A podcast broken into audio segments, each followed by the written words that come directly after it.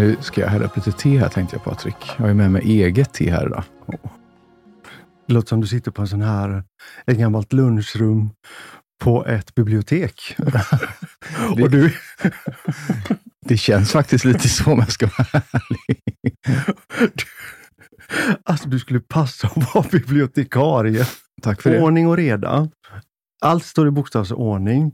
Böckerna står säkert i färgkoordinerat och så doftar det sådär bibliotek. Och du har så här perfekt tofs, inget som spretar och eh, någon enkel skjorta. Det låter väl fantastiskt.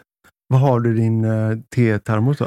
Ja, men alltså, jag dricker faktiskt ett nytt te idag. Vi var ju nere hos vår kära Denise på NK häromdagen och skulle köpa kaffe och te. Just det.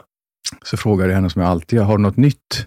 Och det är väldigt sällan det dyker upp något nytt på tehimlen och då säger hon, ja men jag har en Earl Grey eh, special.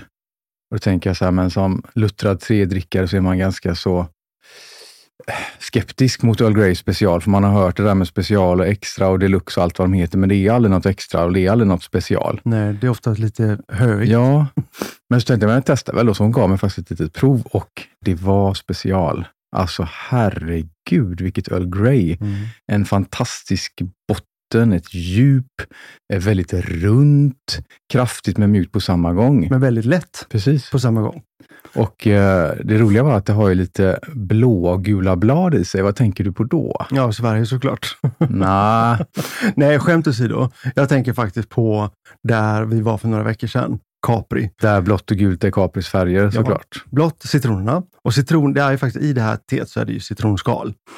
Och det är citronsmak, det är citronskal, det är bergamott och det är blåklintsblad i också. För att de är bara där för dek- dekoration. Det är ju ingenting med eh, blåklint som ger någon, någon smak. Nej. Men eh, Capri, berätta. Ja, men alltså, vi har ju två helt fantastiska vänner som är vänner med Dolce Gabbana och de hade bjudit dem på en fantastisk fest som skulle vara en hel dag och eh, bjöd med oss på detta. Och eh, vi hade ju andra saker inplanerade, men vi är inte sådär att vi sitter fast i saker. Vi älskar ju att ombestämma oss, eller hur? Ja, men det var precis det som jag tänkte på som är så jäkla bra med oss, tycker jag. Och jag vet inte om vi har tränat upp det. Det är väl lite grann som entreprenör så vet man att varje dag så har man ungefär tio katastrofer att ta hand om.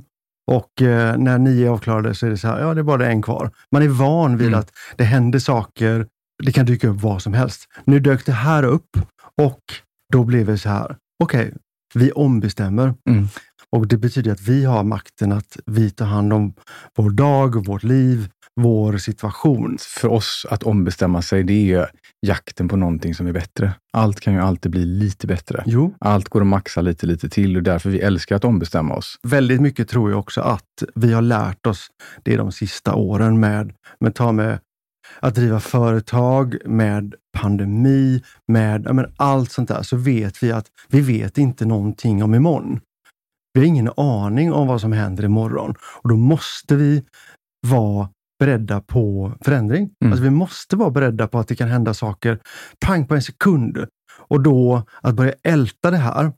Åh, vad händer nu? Och, eh, tänk om vi hade gjort så istället. Det funkar inte. Då, jag pallar inte det, utan ombestäm och så gå in på den nya linjen och så 100 procent Mm. åt det hållet.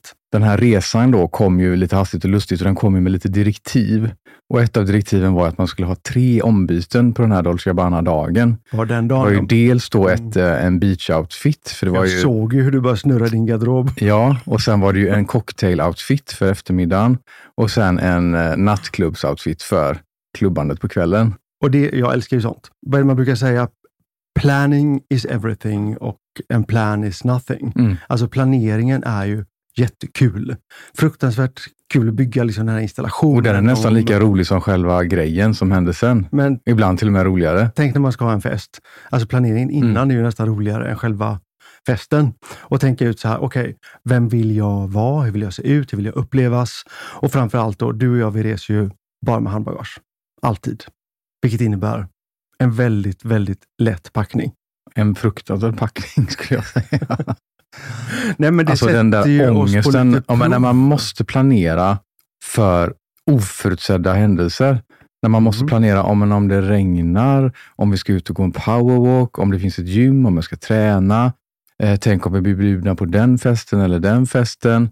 Alltså det där att Men där är ju förutse- lite typiskt dig också. Jo, men det, att du ja, gärna precis. övertänker Min lite. hjärna jobbar ju så, Ja. men jag tycker det är fruktansvärt jobbigt. Det tar så mycket energi. Och så lever jag ju då med dig som är liksom den perfekta planeraren. Man ser liksom kitten ligger uppradade hemma på bordet en vecka innan vi ens ska åka. Liksom. Och det ger mig bara ännu mer panik. ja, men det jag älskar att förbereda. Att förbereda är ju lite grann att inte hamna i en stresssituation. Men ta bara som exempel innan vi skulle hit idag. Så vet jag ju att, okej, nu säg, stressa inte på Mattias nu, för att då blir det bara jobbigt. Stressa inte på Mattias nu, för nu blir det bara, bara jobbigt. Och jag tänker så här, men alltså Naomi Campbell fick de vänta på tre timmar innan hon skulle plåta, så kan de väl vänta fem minuter i alla fall. Jo, fast jag älskar att vara i tid. Att vara i tid behöver inte vara mitt i prick. Men, och, och för tidig är det värsta som Det är finns. det värsta jag vet. värsta som Tänk finns. vad man kunde gjort med de minuterna.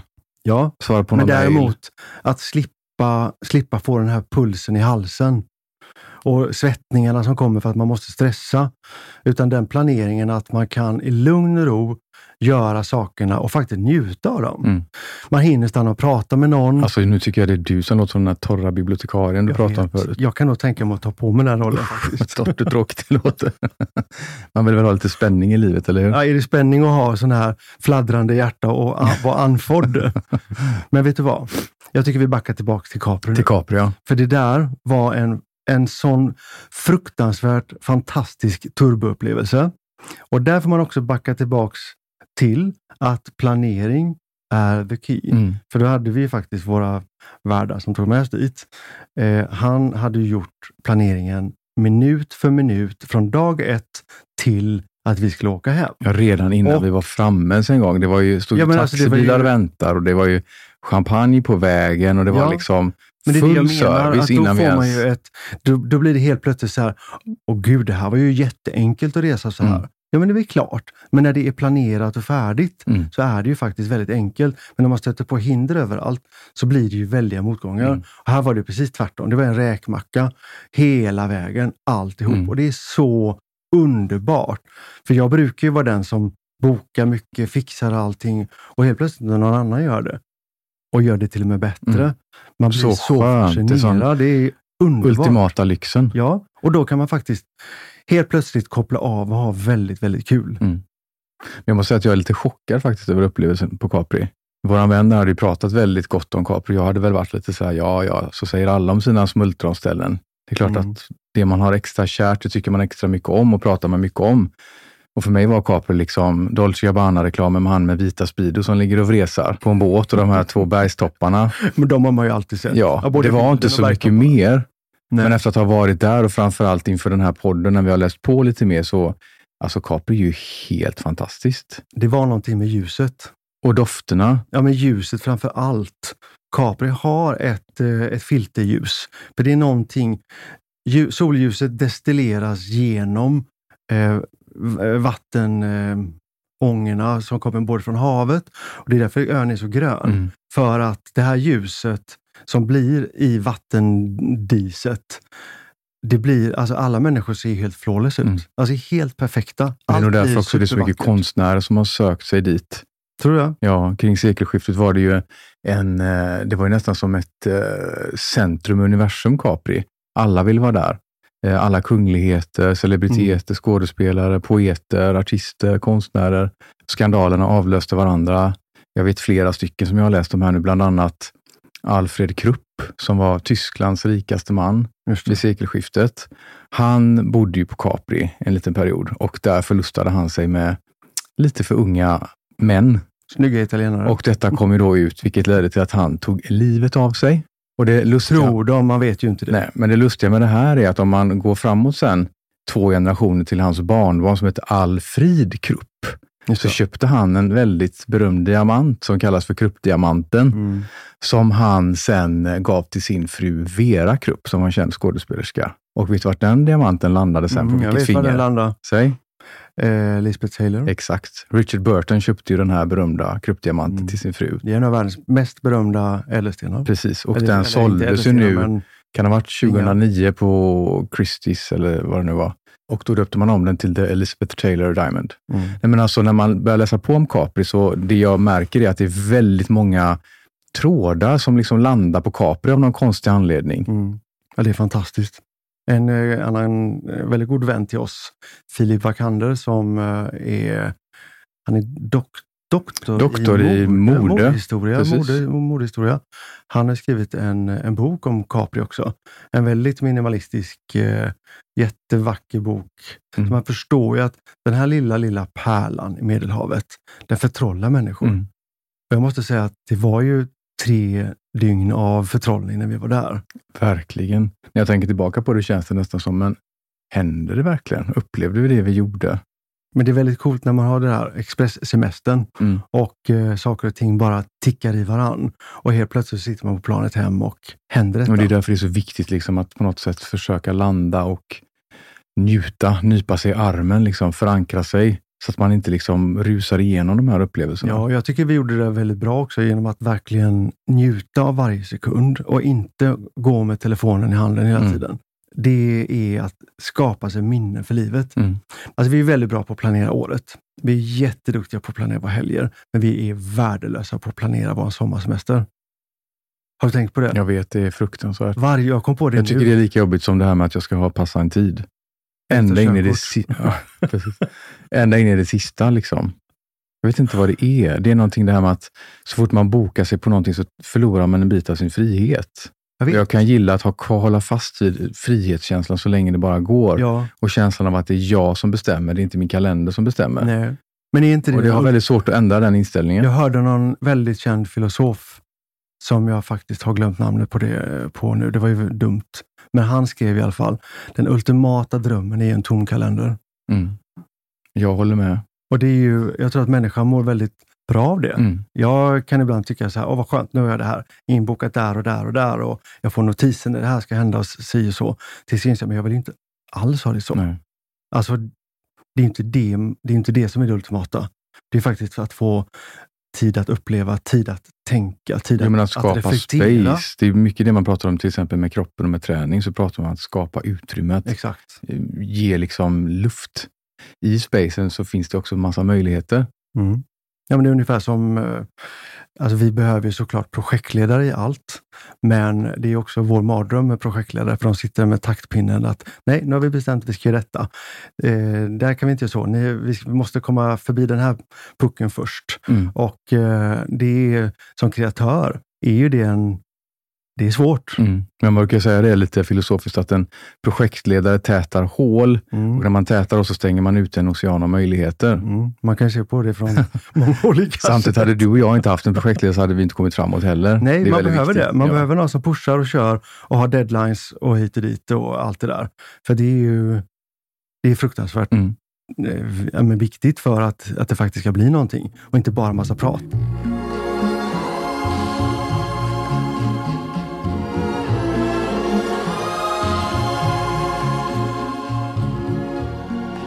Men vad var din höjdpunkt på Capri, skulle du säga? Jag får ju ändå säga så att eh, jag fick upp ögonen på någonting nytt. Och eh, jag har läst om eh, Axel Munthe till exempel. Mm. Ville gärna upp till San Michele. Nu hann vi inte det. Men däremot så fick man en, en sån här grej att men, vi måste åka tillbaks för jag vill uppleva det också. Mm. Men det var inte riktigt det som var min stora grej heller. Min stora grej var ju ändå så här.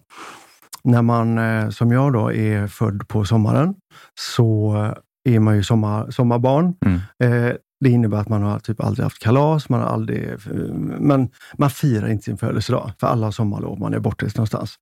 Och att vara i Italien på sin födelsedag med eh, flera av sina närmsta vänner. Och jag tänkte så här, vad skönt, det blir en, en mysig härlig dag. Men det tyckte inte mina, ni och mina vänner och italienare som älskar att, fira allting. Kvällen innan så blev det ju såklart massa or- orkester och bakelser och champagne i mängder. Och sen på morgonen så blev det ju eh, födelsedagsfirande. Och sen till lunchen så blev det massa champagne och till och med paket från eh, Dolce Gabbanas land, världschef tror han var, jättefantastisk man och på kvällen sen så var det ju firande Mm. igen då. Alla som fyller år på sommaren vet att man firar liksom aldrig, för det blir aldrig av. Och nu blev det liksom för flera år ungefär, tårta och champagne. Det låter och, som du hade det väldigt bra. Hade det fruktansvärt bra. Det, det såg jag att du hade Mm. också. Jag har aldrig sett dig dricka så mycket champagne. Och jag som inte gillar att dricka så mycket heller. Alltså det där var det dummaste jag har hört. Alltså, du gillar inte att dricka mycket, det vet jag. Men champagne, Mm. alltså jag vet ingen som kan få i sig ett glas så fort som du. Slurp, säger det. Inte jag heller. Men det blev rätt mycket champagne där. Jag kommer ihåg, det sista jag typ minns av den eftermiddagen var att jag stod ensam på en liten bergsknall och dansade. Och jag såg det. Och jag skäms när jag tänker på det. Jag har den bilden framför mig också när du står. Och, alltså, du är ju duktig Kan du dansare. inte snälla radera den? Nej. Du ska ju Ja, all nu cred. låter det som att jag stod och hade någon dansuppvisning. Det hade jag inte. Det hade du. Nej, det hade Jo, jag det inte. hade du. Nej, fy. Var det, var det sambasteg eller salsasteg? Sluta. Men vad var din eh, sån här bästa känsla? Ja, men alltså jag, eh, jag håller med dig. Jag tyckte att allting var så otroligt välregisserat av eh, vår kära projektledare på resan. Och eh, alla samtal vi hade, vi kom varandra ännu närmare. Ja, Eh, vi bodde ju faktiskt inte på hotell utan vi hyrde ett hus. ett fantastiskt hus. Ja, och då blir det också så att det blir något annat. Det blir lite grann som att vara på läger. Ja. Tänkte på det? Men jag gillar det. Du gillar det Jag gillar inte läger, men jag gillar det kollektiva. Ja, Och framförallt om det är ett lyxigt kollektiv som Ja. det här var. Men det är också för att vi, vi lever ju i en tid idag som är så starkt präglad av individualismen. Där liksom det, det egot får ta så otroligt stor plats. mm. Alla är unika, alla är sig själva och allt det där. Och att helt plötsligt liksom få vara, gå samman och bli liksom flera personer blir som ett. Det är något väldigt fint i det och något väldigt behagligt. Nej, men att vi lever ju bara du och jag. Precis. Vi har inga barn, vi har inga djur. Eh, ingenting sånt där. Och då blir det också väldigt, men det blir lite grann som, ja, det, det blir lite familjärt. Mm. Och det är lite kul att uppleva det en period. Mm. Och sen, så nu räcker det. Men det tyckte jag var väldigt kul. Och sen tyckte jag det var väldigt kul att hjälpa tjejerna planera deras lookar som var med. Sen var vi faktiskt eh, på Dolce Gabbanas privata showroom, där de också hade en liten bar i anslutning. Ja, men det var ju helt sinnes. Där vi var med tjejerna två kvällar i rad och provade ut allt de skulle ha på sig. Alltså det var ju så härligt. Men det blir liksom en teater alltid. Ja, Rasande men det som är så roligt. kul också tycker jag med oss svenskar är att vi lever ju inte riktigt i den här kulturen, till skillnad från många av de som är på Capri, som Mm. faktiskt lever det här livet jämt. Så för oss blir det lite, vi går ju all in, men vi gör det med lite med distans. Vi kan skratta åt det på samma gång. Vi Ja. kan ta ett kliv åt sidan, titta på vad vi håller på med och skratta åt det. Det ger en liten extra krydda. Jo, där är också lite skillnad mot, vi såg att det var väldigt mycket amerikaner Mm. på, på Capri. Först och främst tänkte jag så här, det var liksom inte vilka amerikaner som helst, Nej. utan det var, Stenrika. jag skulle säga snygga amerikaner. Men det brukar Men det hänga kanske hänger ihop lite. Ja. Nej, men det var ju framförallt amerikaner med stil. Som, de klädde sig jättesnyggt. De pratade inte så högt som många amerikaner kan göra. De tog inte för sig att vara burdus, utan Ralph Lauren-amerikaner om man säger så. Mm. Och eh, sen kollar vi upp, upp faktiskt varför. ja, men historien är som så att efter kriget, någonstans där 1945, Mm. Ockupera kanske är ett väl starkt ord. Soldaterna hade det som någon slags rekreationsort under två års tid. Just det. Och det var de som bland annat introducerade jeepen på Capri. Just det. Och på Capri hade man i princip inte ens sett en bil. Men och eh, vägarna köra. var nästintill obefintliga vid den här tiden. Var ju du mest, på när vi åkte taxi? Ja, Det var det sjukaste jag varit med om i hela mitt liv. exakt. Kör som galningar. Och det var ju, en person kunde inte gå bredvid taxibilen, så smalt var det. Men det de bidrog med i alla fall, det var jeepen och så var det även att de trissade ju upp priserna något fruktansvärt, alltså med upp till tusen procent. Och det är ju det som fortfarande lever kvar. Capri är ju vansinnigt dyrt. Jag vet inte om du Men då förstår det. jag ju varför de har, amerikanerna håller Capri så varmt Mm. i sina hjärtan. Precis, det sitter kvar. Men det känns ju också lite grann som en scenografi från en film på 40-talet. Mm. En amerikansk film, eller 50-talet. Allt är perfekt. Men det har ju gjorts extremt mycket filmer på Capri och det har också skrivits extremt mycket böcker, både skönlitterära men också faktaböcker om just Capri, för det är en sån otroligt intressant ö och den har en fantastisk brokig historia Mm. med alla dessa eh, miljonärer, kungligheter och celebriteter som faktiskt frekventerade den här ön vid sekelskiftet och framåt. Var Och inte- den här Axel Munthe som du nämnde tidigare, jag såg det som en torris tills jag började läsa på om det här. Han är jättecool. Och kände bara när jag kom hem att fasen också, varför åkte vi inte dit Han och var tittade? så cool. Jag menar, alltså, han, vid, en, vid en viss tid så var han en av världens mest berömda svenskar. Och han har fortfarande skrivit en av världens mest sålda böcker. Mm. som fortfarande ges ut, utgåva efter utgåva, översatts till över 50 språk om just Capri. Fantastiskt. Och han var ju alltså drottning Victorias livmedikus, eller husläkare. Men var inte han, alltså det ryktas ju om att han Jo. var hennes lover. Han var ju detta i 35 år. Han Mm. satt ju med henne på dödsbädden ända Mm. på slutet. Men nu har det kommit fram senare att de faktiskt var ett par. Det. Fast det var inte officiellt, utan de var ett älskande par alltså. Ja. Och man har hittat viss korrespondens mellan dem. Och det lustiga i kråksången är ju att hennes man, då, kung Gustav Adolf, eller. Guragi, eller Tenniskungen, eller vad ni vill kalla honom, Mm. eh, han såg alltså mellan fingrarna på det här och var dessutom kompis med Axel Munthe. Han kanske tyckte det var skönt. Plus att då kung Gustav Adolf lät Axel Munthe tillbringa sina sista sju år i livet på Stockholms slott i den Just det. ena flygen. Så nära var de. Men han hade ju någonting som fascinerar mig. Ja, men han hade något väldigt speciellt. Ja, men tänk att vara en samlare, att dels då var, komma från, han var väl från Småland någonstans. Ja, han var väl, var det Örkelljunga? Eh, ja, Skåne först och sen Småland. Ja, och sen att ta sig då till, eh, alltså ta sig an hela Stockholm och sen hela Europa och sen landa på Capri och få hela det här, alltså San Michel att bli det. Ja, men tänk att Sen- kom, ta sig från Sverige Rätt. till att bli en av världens främsta läkare. Han Ja. öppnade som praktik i Rom vid Spanska trappan. Mm. Och Ja, kunderna var ju just bara det. celebriteter och kungligheter. Mm. Och han tog ju redigt betalt. Mm. Men till skillnad från många andra som tar redigt betalt, så han kallades ju för läkarvärldens Robin Hood. För att han gjorde ju fantastiskt filantropiskt arbete vid sidan av. Mm. Där han använde sig av sin förmögenhet som han lyckades skapa Mm. till att hjälpa fattiga med sjukvård. Mm. Han kunde ibland ses ibland, i någon gränd med någon uteliggare som han hjälpte. Mm. Han var en väldigt fin människa på Ja. så sätt. Men man Alltså, det, det älskar finns ju någonting historier. där som, det kokar verkligen. Ja, drottning. Victoria var ju där. Greta Garbo var där. Ja. Alltså hans umgänge var ju helt Oscar Wilde galet. var där. Och det lustiga var att jag läste om honom att han var väldigt burdus. Han var inte speciellt vacker. Han hade absolut ingen, kunde inte etikett. Han åt som en vilde, men ändå förde han sig med de här människorna som kom från en helt annan värld. Men, tror, Men vet du vad jag läste då? Eh, han studerade lustigt nog eh, hypnos och psykologi och parapsykologi. Och på något sätt så satte det sig i hans blick. Så att han hade en förmåga att ta folk och förföra folk, Du menar framförallt psykologi? kvinnor, och trollbinda dem. Ja, men nästan så. Man förstår i alla fall att han måste varit väldigt speciell. Väldigt Och den här villan han byggde då i alla fall, Villa San Michele, Mm. den byggde han ju, sägs det, på en av kejsar Tiberius ruiner. Han byggde ju tolv villor Mm. högst upp på ön. Där det också sägs att det förlustades och ja, Jo, både det var väl, orger och både det ena och det andra. Orgiernas eh, sammansvärjning, alla de här. Exakt. Men om man tar San Michele och det svenska och eh, vad vi har här i Sverige då, från, som är inspirerat av det, Mm. så är det faktiskt eh, Soliden på Öland. Exakt. Det Och det roliga med det är då eh, att det var ju drottning. Victoria som byggde detta och då hade hon just Axel Munthe Mm. som rådgivare i detta. Han var inte Såklart. arkitekten för det var en annan.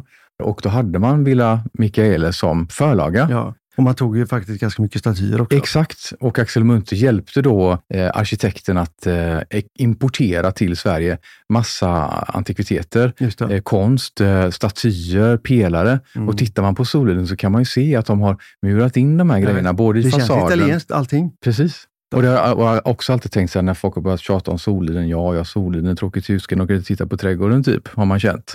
Men helt plötsligt känner jag, jag vill dit, Och jag har vill varit där titta, jag vill studera. gånger. Helt plötsligt Ja, så sätts det in i ett sammanhang som för mig blir spännande. Liksom. Ja. Men när du pratar om eh, de här spännande människorna på Capri, det är ju också, det finns ett uttryck om Capri som är det, det, det mest fantastiska med Capri, det är dess publik. Mm, Och det var ju faktiskt då, när man gick och tittade på alla människor som, som var där, mm. alltså alla såg det som en scen. Ja, ju Alla var ju jättecoola. Alla har ju en uppvisning. Att gå över det där lilla torget Ja. som vi själva gjorde, det var ju som att gå ut på en catwalk. Ja, jag såg ingenting som var dum, inga människor som var dummande på något sätt. Och jag tyckte det var så kul när vi satt en kväll och tog en, en drink på ett ställe och eh, grannbordet till oss. Så jag ser att du blir helt tyst så här. Mm. Och, eh, och där är ju skillnaden på oss. Om, om jag ser någon som, är, som jag beundrar, så då går jag ju rakt fram till dem. Och jag, då, jag glömmer av mig och går fram och säger, men gud, vad, tack för det du gör. Vad kul att se dig, bla bla bla. Och det är med, med blandade vad heter det, reaktioner. Och jag Men blir förlamad. Du blir, du blir förlamad. Ja. Och jag tänkte, men vem är det han ser?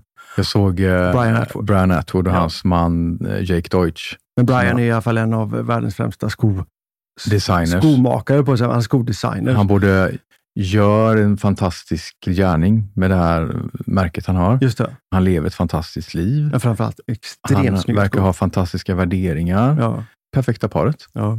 Väldigt coola. Men det är så konstigt när man ser dem live. Det är som att se seriefigurer liksom. Vi är ju vana, som vi brukar säga, vi träffar ju, vi jobbar ju med personer som folk vet vilka de är. Mm. Men ibland så finns det ju de som går utanför det på något sätt. Mm. Och framförallt när man har dem framför sig live samtidigt som man har dem på sitt Instagram. Det blir så, eh, surrealistiskt så realistiskt på något sätt. Ja.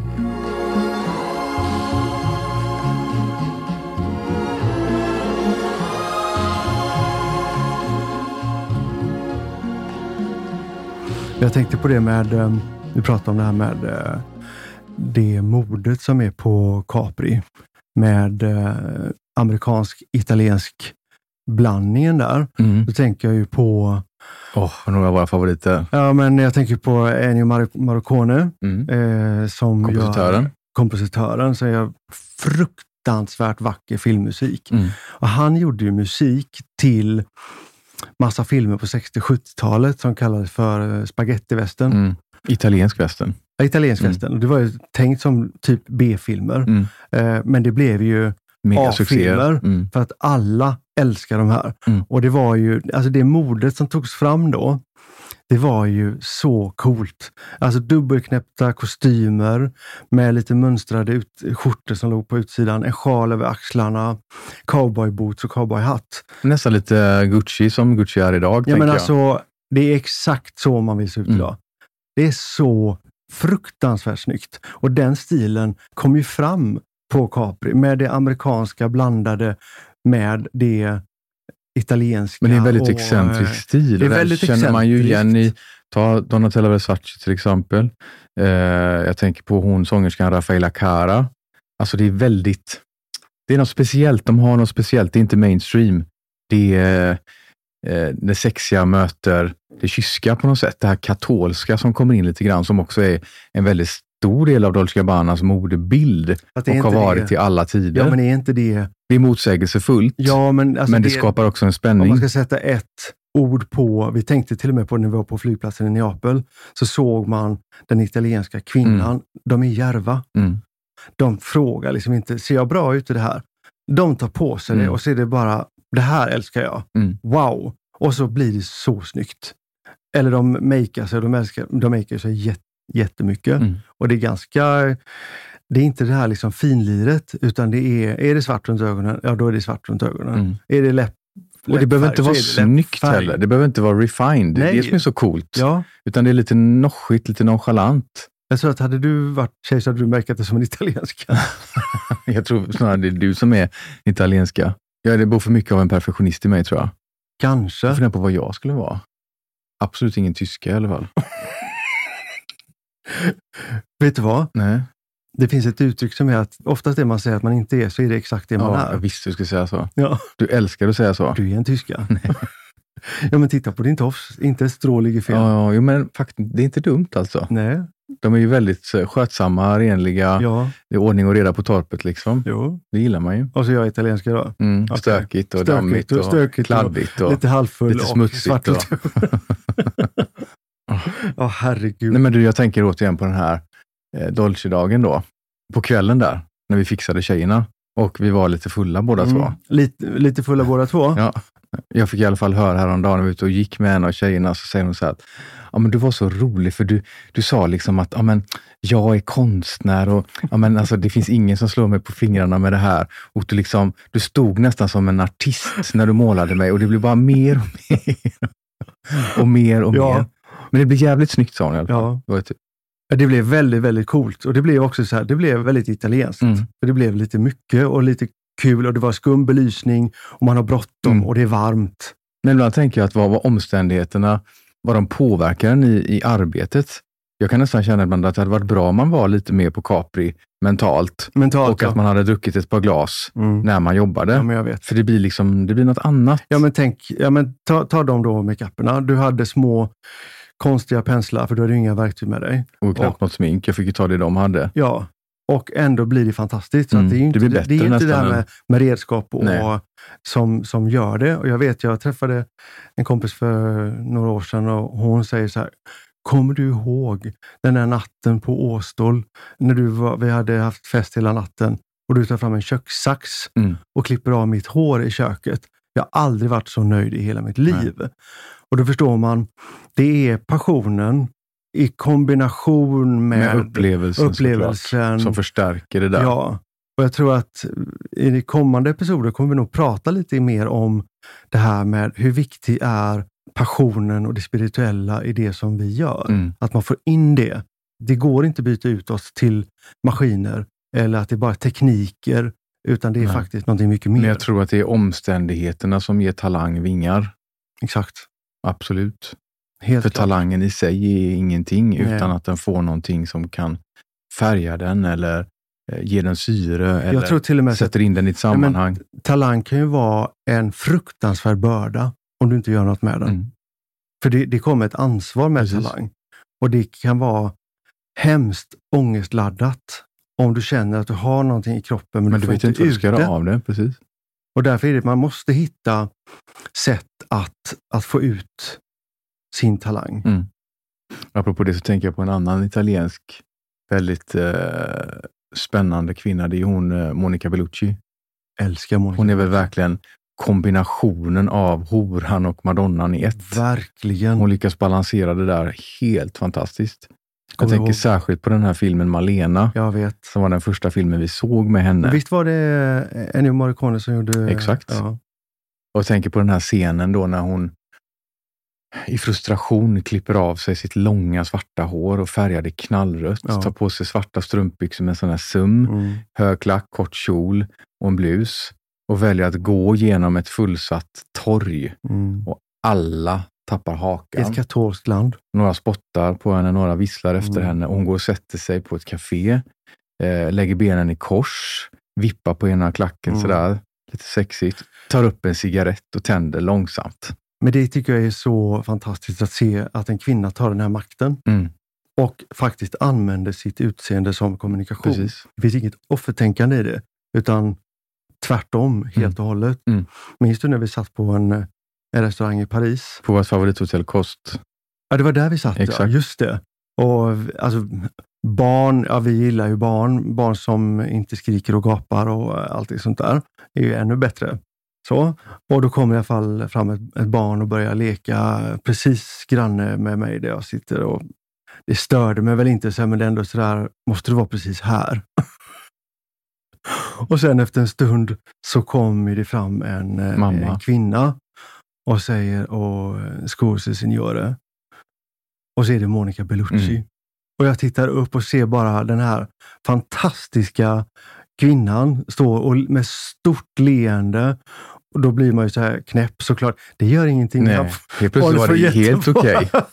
vill du ha, Du vill blir bästis helt plötsligt med en femåring. Ah, Men då, det var så coolt att se att ja, men även i verkligheten så hade hon exakt samma utstrålning som, som man faktiskt Ja. ser på, på bioduken. men hon är, hon är nästan större än sina karaktärer skulle jag vilja Ja, säga som skådespelerska. Hon är Monica Bellucci Ja, i alla roller hon gör. Jag såg ju henne även i den här serien Call My Agent, eller Ring Min Agent på Netflix är det va? ja den franska serien. Alltså den är så bra. Mm, där är ju ett bra. avsnitt där hon faktiskt spelar sig själv och hon gör det så bra. Mm. Hon driver ju med sig själv och med det kvinnliga, det italienska. Älskar det. Men italienska överhuvudtaget, just med det här, det finns så mycket gammalt kvar. Alltså i sättet att tänka, klä sig, sminka sig. Jag tänkte på det när vi pratade om den, den där eh, spaghetti western-stilen förut. De här br- eh, Barbanera-bröderna från eh, Italien. Mm. Deras kläder Älskar. är så snygga och deras stil på håren. Det är sådär lite um, halvlånga hår med backslick med gelé, eh, lite brunbränt och en eh, mustasch som går ner lite grann i mungiporna. Så det ser väldigt 70-tal ut allting.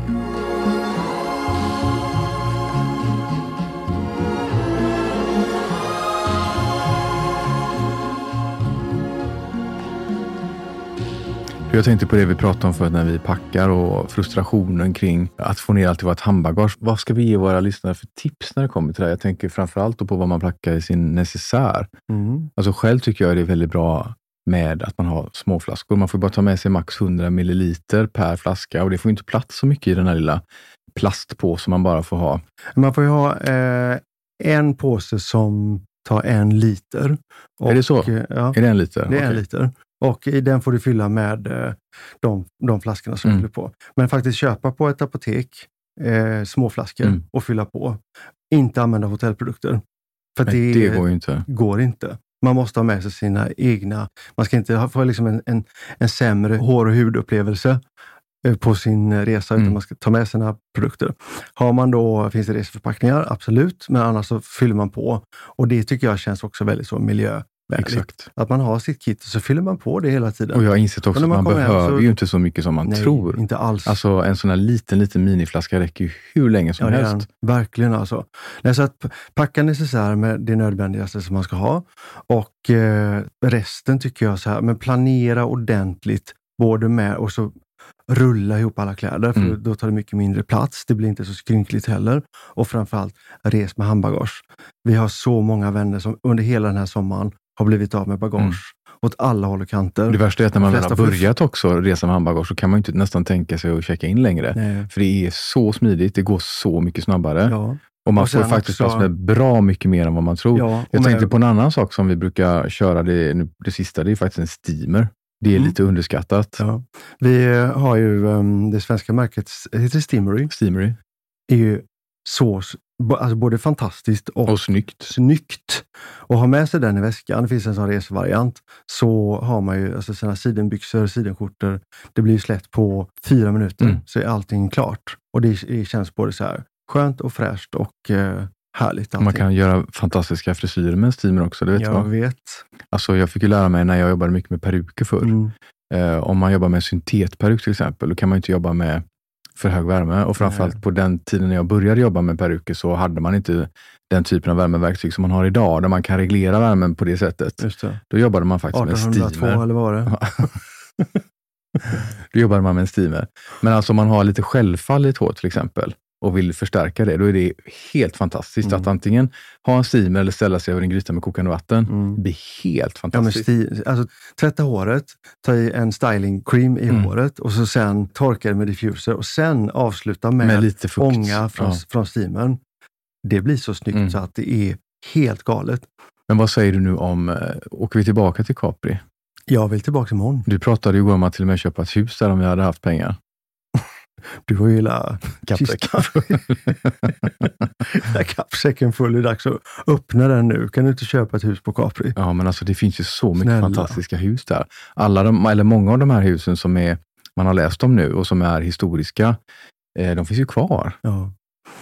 Vi hade ju en, eh, en poet som var svensk ättling också.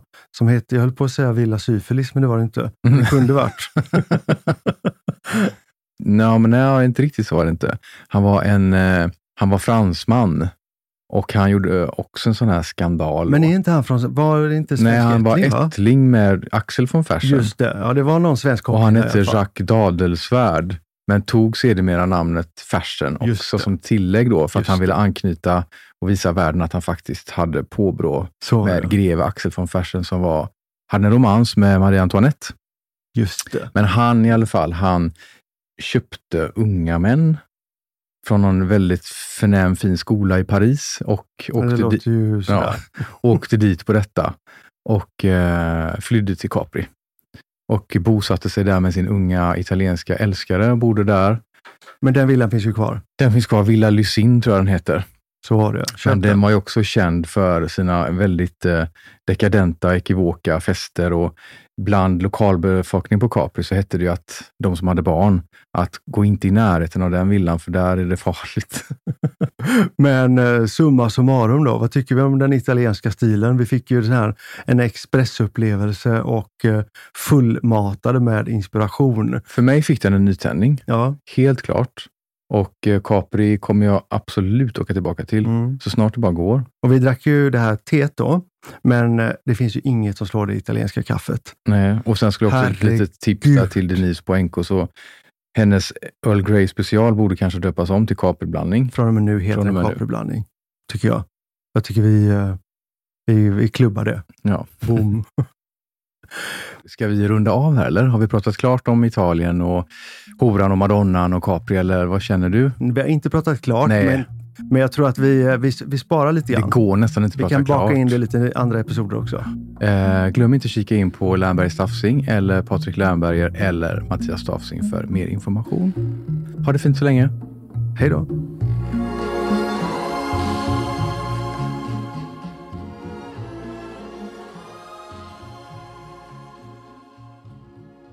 You have listened to a Pulpo original, and that makes you amazing.